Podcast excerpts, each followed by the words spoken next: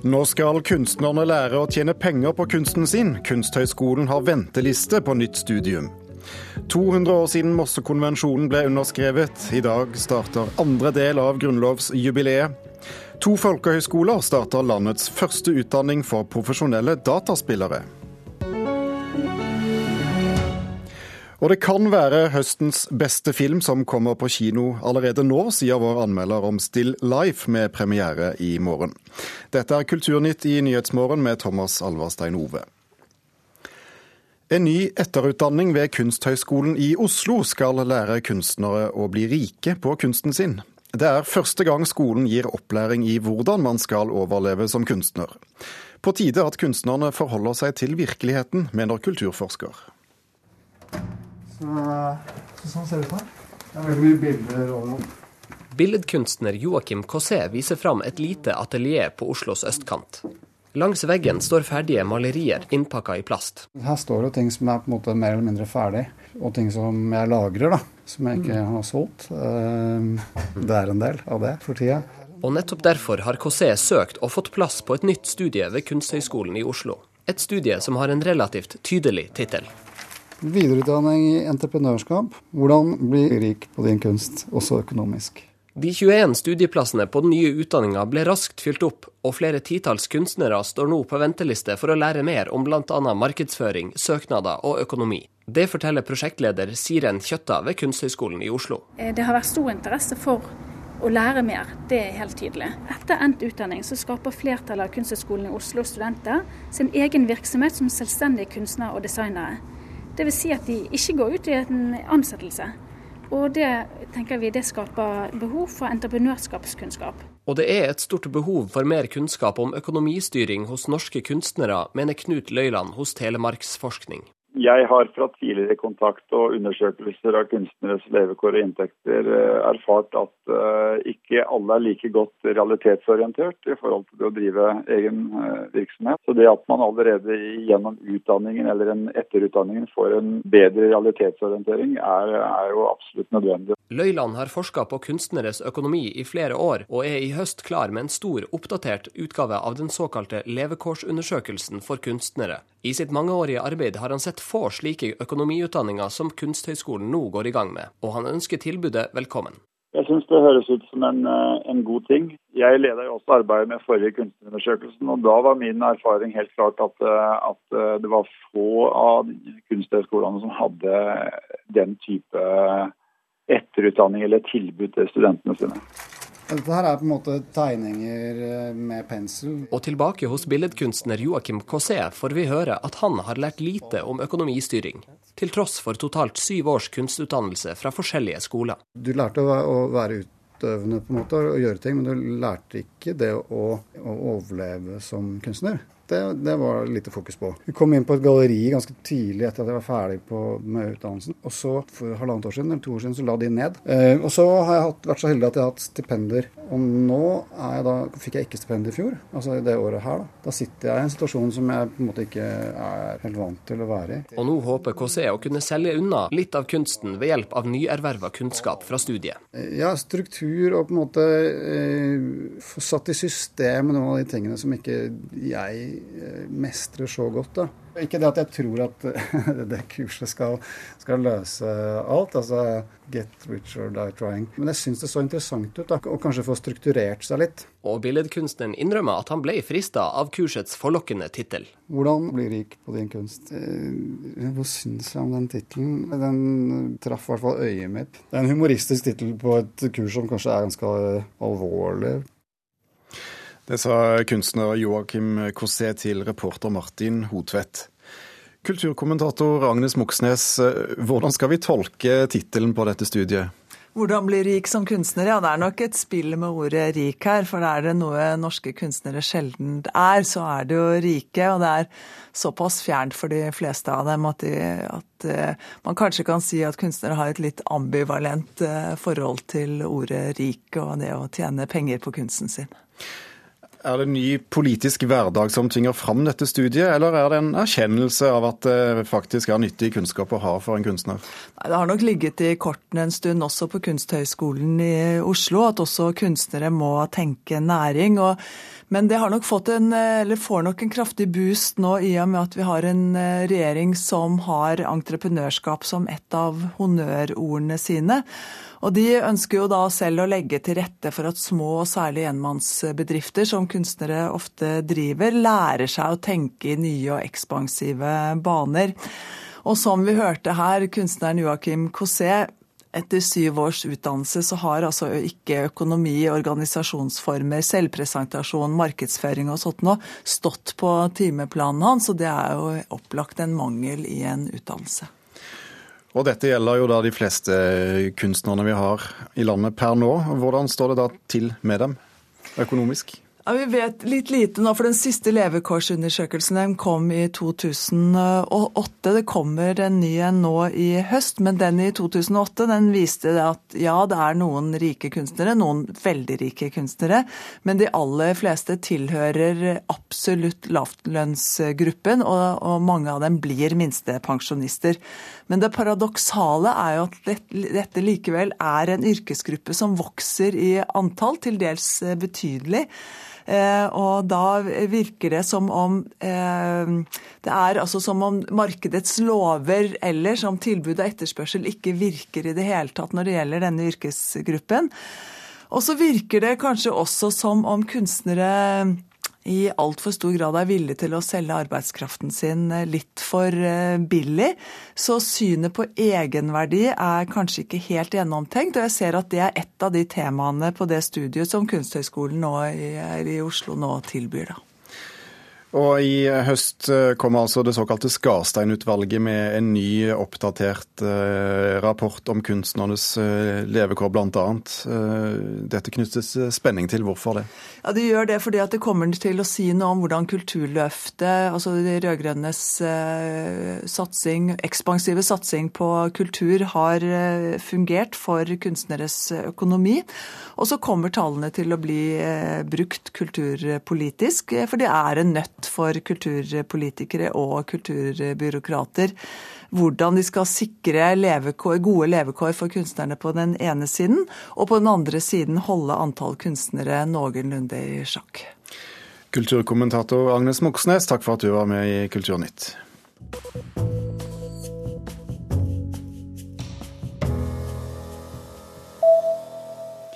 I dag starter den andre delen av grunnlovsjubileet, hvor Mossekonvensjonen av 14.8.1814 skal feires med et omfattende program. Stortingspresident Olemic Thommessen har med seg et svært viktig dokument når han i dag besøker Moss.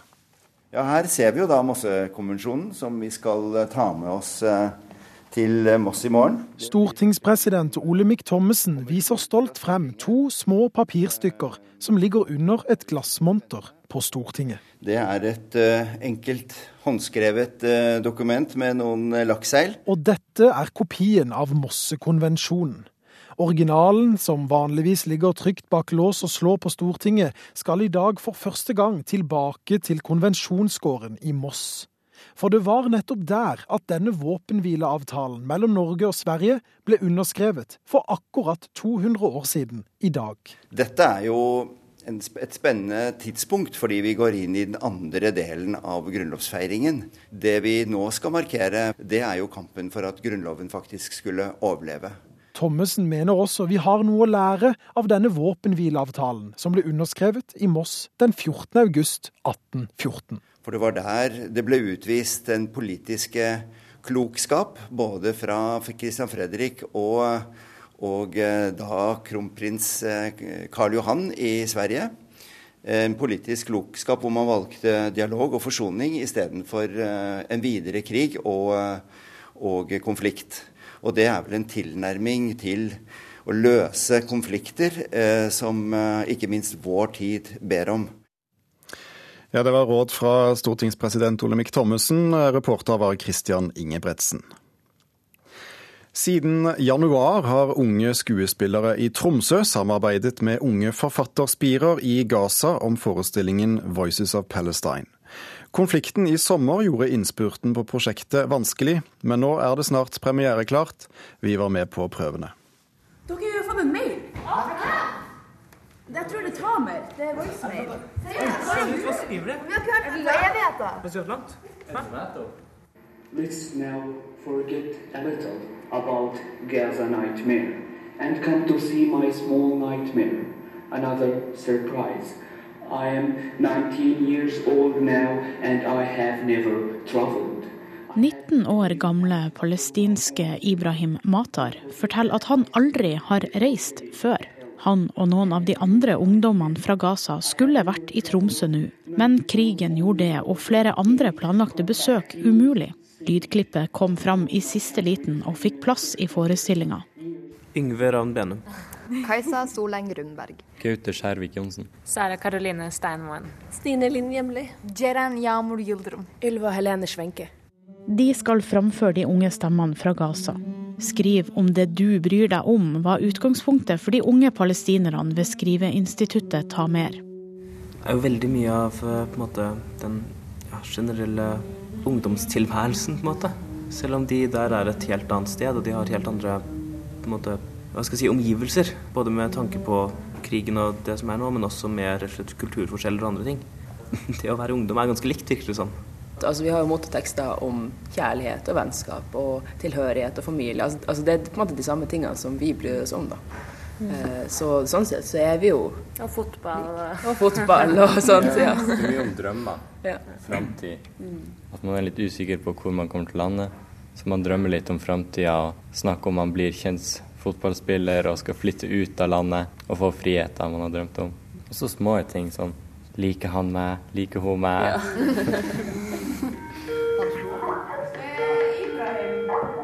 Samarbeidet mellom ungdommene har vært prega av kontakt på Facebook og på Skype. Alle var enige om at forestillinga måtte bli som planlagt, til tross for utfordringene, forteller regissør Mari Sofie Andreassen. Forestillinga av dette prosjektet har jo jobba for at, at, man skal på en måte sette konflikten litt til sides, og heller se menneskene som lever i dette landområdet. Vi har beholdt den så ren som mulig i forhold til sånn som vi avtalte med dem at det skulle være. Og gjennom det så håper vi at vi måte, har vært med å løfte deres kunstneriske integritet som skribenter. Har man kjærlighet, da har man lykke. Men hvis man ikke har kjærlighet, da vil lykken aldri noen gang bli funnet. Hvordan er det for dere å stå og framføre disse tekstene? Det er veldig personlige tekster som de har skrevet til oss, eh, om ting som de tenker på eller bryr seg om. eh, som ikke nødvendigvis trenger å være om krigen eller hvordan det er å være under okkupasjon.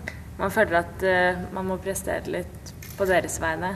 Og det er òg noe med at vi heter Voices. At vi skal på en måte være stemmen deres, eh, ettersom de ikke på en måte kommer seg ut. Sånn, så da, det betyr litt ekstra, da. For min del, eh, i alle fall. Det er jo ungdommer på vår alder som er i en helt annen situasjon enn oss, eh, for å si det sånn. Så da blir det litt, eh, litt ekstra viktig. Og Voices of Palestine har premiere i Tromsø på fredag. Reporter var Pia Tøhaug. Du hører på eh, Nyhetsmorgen i NRK P2 og Alltid nyheter. Klokken er blitt 16 minutter over åtte, og dette er hovedsakene nå. Det blir mer ekstremvær i fremtiden, men kommunene er ikke godt nok forberedt til å takle det, frykter Røde Kors. Ett år etter valget er det fortsatt de borgerlige partiene som har flertall på Stortinget, viser en ny meningsmåling utført for NRK. Israel og palestinerne ble i går kveld enige om å forlenge våpenhvilen med fem døgn, men avtalen ble brutt kort tid etter.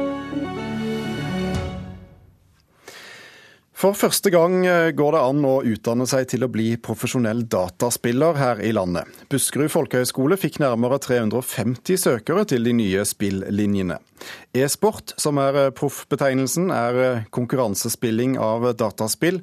Sporten vokser i rekordfart, og, i dag, og i dag finnes det 30 000 konkurrerende nordmenn. I Buskerud forbereder de seg nå på å ta imot de 15 heldige utvalgte e-sportelevene. Her ser du at uh, Her får vi internett. får vi internett, vet du. På Buskerud folkehøgskole inspiserer rektor Grete Strømsøyen og lærer Olav Helland et nyoppussa, men fortsatt tomt klasserom. Det skal fylles med datamaskiner og spillinteressert ungdom. Så her kan Norges neste e-sportstjerne befinne seg snart? Ja, vi håper jo det. Forventningene er store før skolestart, når 15 nye elever ankommer skolen for å lære seg å bli profesjonelle dataspillere eller e-sportutøvere. Buskerud er en av to folkehøyskoler som for første gang nå tilbyr en egen e-sportlinje. For dagens ungdom så er spill en veldig viktig interesse. Og spesielt dette med spill som sport og e-sport er noe som har vokst eh, enormt mye de siste årene. Og det er noe som er verdt å ta på alvor, og det er noe som er verdt å satse på. Olav Helland er fersk folkehøyskolelærer og primus motor bak den nye e-sportlinja. E-sport er eh, å bruke dataspill eh, til eh, konkurranser og turneringer, eh, gjerne da med publikum. Det er nok større enn de fleste tror. Den siste store turneringen i USA, som heter The International, hadde over 20 millioner seere. Og det er jo ganske stort. Det er 30 000 aktive e-sportspillere i Norge. Til sammenligning har Sjakkforbundet 2500 medlemmer. Og da Buskerud folkehøgskole i år valgte å starte opp to nye dataspillinjer, fikk de inn nesten 350 søknader. 186 av dem hadde valgt e-sport.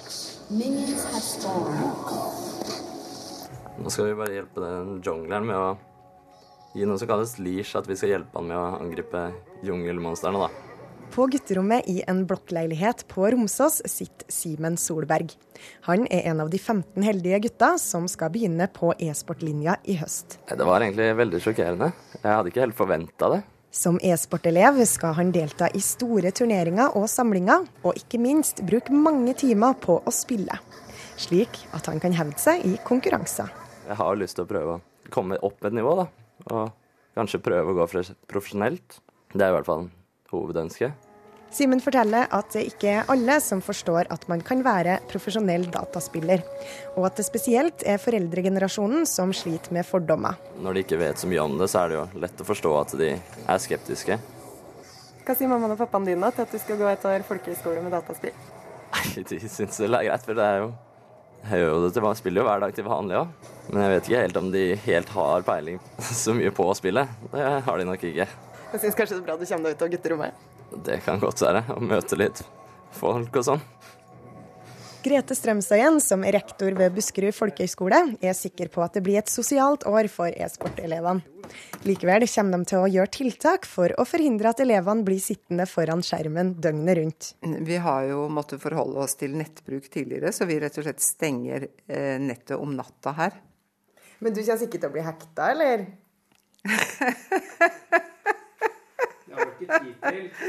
Nei, jeg har rett og slett ikke tid til det, for jeg har så mye å gjøre som rektor. Reporter på Buskerud folkehøgskole, det var Åsta Hoem Hagen. Jon Cato Lorentzen, spillanmelder i Aftenposten. Hva slags type spill konkurreres det i i e-sport? Eh, det største akkurat nå det er sånne lagbaserte eh, slags eh, actionstrategispill, der man har et lag der hver spiller på laget har litt ulike roller, og man må spille og bygge hverandre opp og hjelpe hverandre. Litt som i, vanlige lagidretter. Ja, men Si litt nærmere om hvordan dette fungerer. Det, kan man se dette som man ser sjakk? Ja, man kan det. Det som har skjedd med disse spillene de siste årene, er at de har fått veldig godt utbygde såkalte spectator modes, som gjør at uh, tilskuere kan komme inn og se og overvåke hva som skjer, og kommentere og, og, og ikke delta, men, men du blir tilskuer som om du ser på en fotballkamp. Eh, og det, det, er veldig oversiktlig. Det er to lag, og de har eh, forskjellige mål som skal oppnås, avhengig av hvilket spill det er.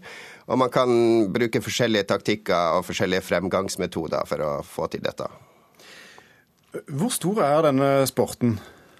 det er litt vanskelig å måle, fordi det er veldig veldig mange ulike organisasjoner. I etablerte idretter som fotball så har du jo Fifa, som har kontroll over hvor mange som spiller på verdensbasis og hvor mange lag det finnes og sånn. Men du har ikke en sånn overordna topporganisasjon for e-sport ennå. Men, men, det er nok det er mange millioner som spiller disse spillene eh, daglig og bruker veldig mye tid på de, selv om, selv om det bare er noen få som klarer å tjene penger på det. Og Det ble nevnt i reportasjen eh, en internasjonal eh, skal vi si, VM, The International. Mm. Det er, det, er, det er, den store årlige eh, konkurransen i spillet Dota 2, som er et av de to største e-sportspillene akkurat nå. Og Det foregikk i Seattle nå i sommer, og det var mange millioner som så på over nett. Det var over ti millioner dollar i pengepremier til, til de beste lagene. Eh, og, og, i fjor så hadde jo hovedkonkurrenten League of Legends De fylte jo f.eks. opp eh, Staples Center i, i, Los Angeles, der de vanligvis eh, LA Lakers spiller sine basketkamper. Og Michael Jackson hadde begravelse. for eksempel. Der var det stappfulle tribuner av e-sportinteresserte som fulgte finalekampene direkte som ble spilt ned på gulvet. Og hvordan hevder nordmenn seg i denne sporten? Vi liker jo alltid å sammenligne oss med svenskene, og svenskene er nok et, et hakk foran nordmenn også innen e-sport, akkurat som de er innen spillutvikling. Eh, men de har hatt eh, flere nordmenn opp igjennom som har hevda seg på internasjonalt nivå, og som har spilt på internasjonale topplag og, og vært profesjonelle i, i perioder. Det virker jo som på det som du forteller som om dette er i ferd med å innta eh, ordnede former, for å si det sånn. Men blir sporten sett på som seriøs? I miljøet så blir den sett på som veldig seriøst, ja, men akkurat her er det nok snakk om et lite generasjonsskifte. De som vokser opp eh, i dag, eh, de har sine forbilder og, og sine aktiviteter de foregår på internett. De ser på internettkanaler og YouTube og Twitch og, og har mer eller mindre forlatt den gamle TV-virkeligheten som de litt eldre av oss forholder oss til. Sånn at uh, det er i ferd med å bli stuerent når den generasjonen vokser opp. Og når de får etablere hva som er stuerent og være med å definere, så blir det stuerent. Vi får se om dette kanskje også dukker opp i Sportsrevyen en, en vakker dag. Takk skal du ha, Jon Cato Lorentzen, spillanmelder i eh, Aftenposten.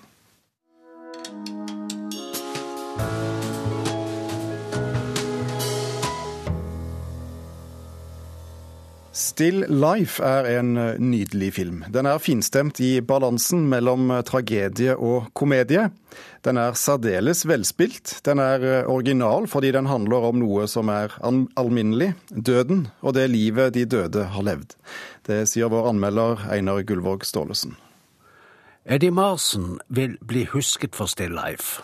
Han er en slik skuespiller som vi ser i birolle etter birolle, i film etter film men som vi ikke husker hvor vi så frem til nå. Edward Morris Charles Marson, født 23.6.1968 i London.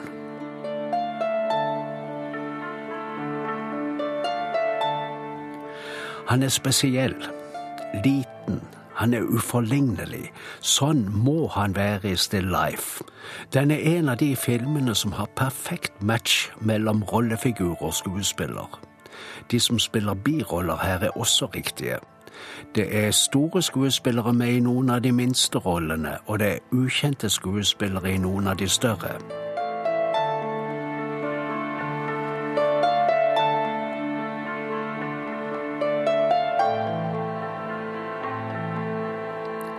Still Life er så finstemt. Den er sørgmodig med diskré humor. Den er komedie i moll. Den handler om døden og forteller om livet. Filmen sier enormt mye med få ord, få bilder og små gester. No, no, I'm here to find people or friends, maybe, for a man who was here 20 years ago. William Stoke. Him? You won't find any friends of his round here. What's he done now? Killed somebody? No. Actually, he died a few weeks ago. Den kommunale funksjonæren John May har ansvaret for å spore opp pårørende til mennesker som dør alene. Han bruker mye tid på det, men han og presten er som regel alene i begravelsene. Han sitter på fjerde eller femte benk til høyre og lytter oppmerksomt til prestens minnetale som han har skrevet selv. Mr. May har skrevet alle minnetallene, han er den eneste som vet litt om avdøde. Det kan males frem mye fra et liv ved å gå gjennom de få eiendelene vedkommende hadde. En leppestift, et halskjede, et par brev og noen bilder av katten. Hun som gravlegges i dag, ga julegaver til katten, og katten skrev takkebrev tilbake med kjærlighetserklæringer. Later in life, her love of animals made her care for her sweet cat Susie, with whom she shared many happy years, always celebrating Christmas together in great style. Mr. May gir alle avdøde verdig avslutning, uansett religion, nasjonalitet eller kulturell norm.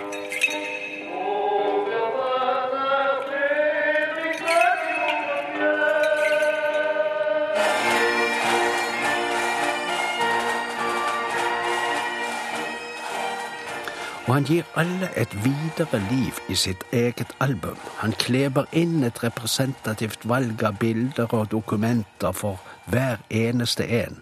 Særdeles ordentlig. Alt er ordentlig ved den fyren. Han har pulten sin i arkivet og ser arkivert ut. Antrekket, skinnvesken, det er matboksevæsken og et eple som han skreller i én strimmel. Han er en av de som er på et kontor, men aldri blir sett, og som få vet om. Han er så kjedelig at han er interessant. Billy Stoke. I'm told he used to come here often. Billy Stoke, you mean Big Billy? What's with him? Eddie Marson og regissøren Uberto Pasolini, italiensk opprinnelig, har gitt oss en særdeles fin erkeengelsk film. Og Still Life kommer på kino eh, på større steder her i landet i morgen, og den anbefales altså varmt av vår anmelder Einar Gullvåg Staalesen. Og vi eh, noterer oss at eh, popstjernen Justin Bieber sa seg skyldig i å ha kjørt uaktsomt under en kappkjøring, men nekter at han var påvirket av rusmidler. Etter et rettsmøte i Miami i går er det klart at Bieber må betale en bot på 500 dollar, gi bort 50 000 dollar til en veldedig organisasjon og ta et tolv timers langt sinnemestringskurs.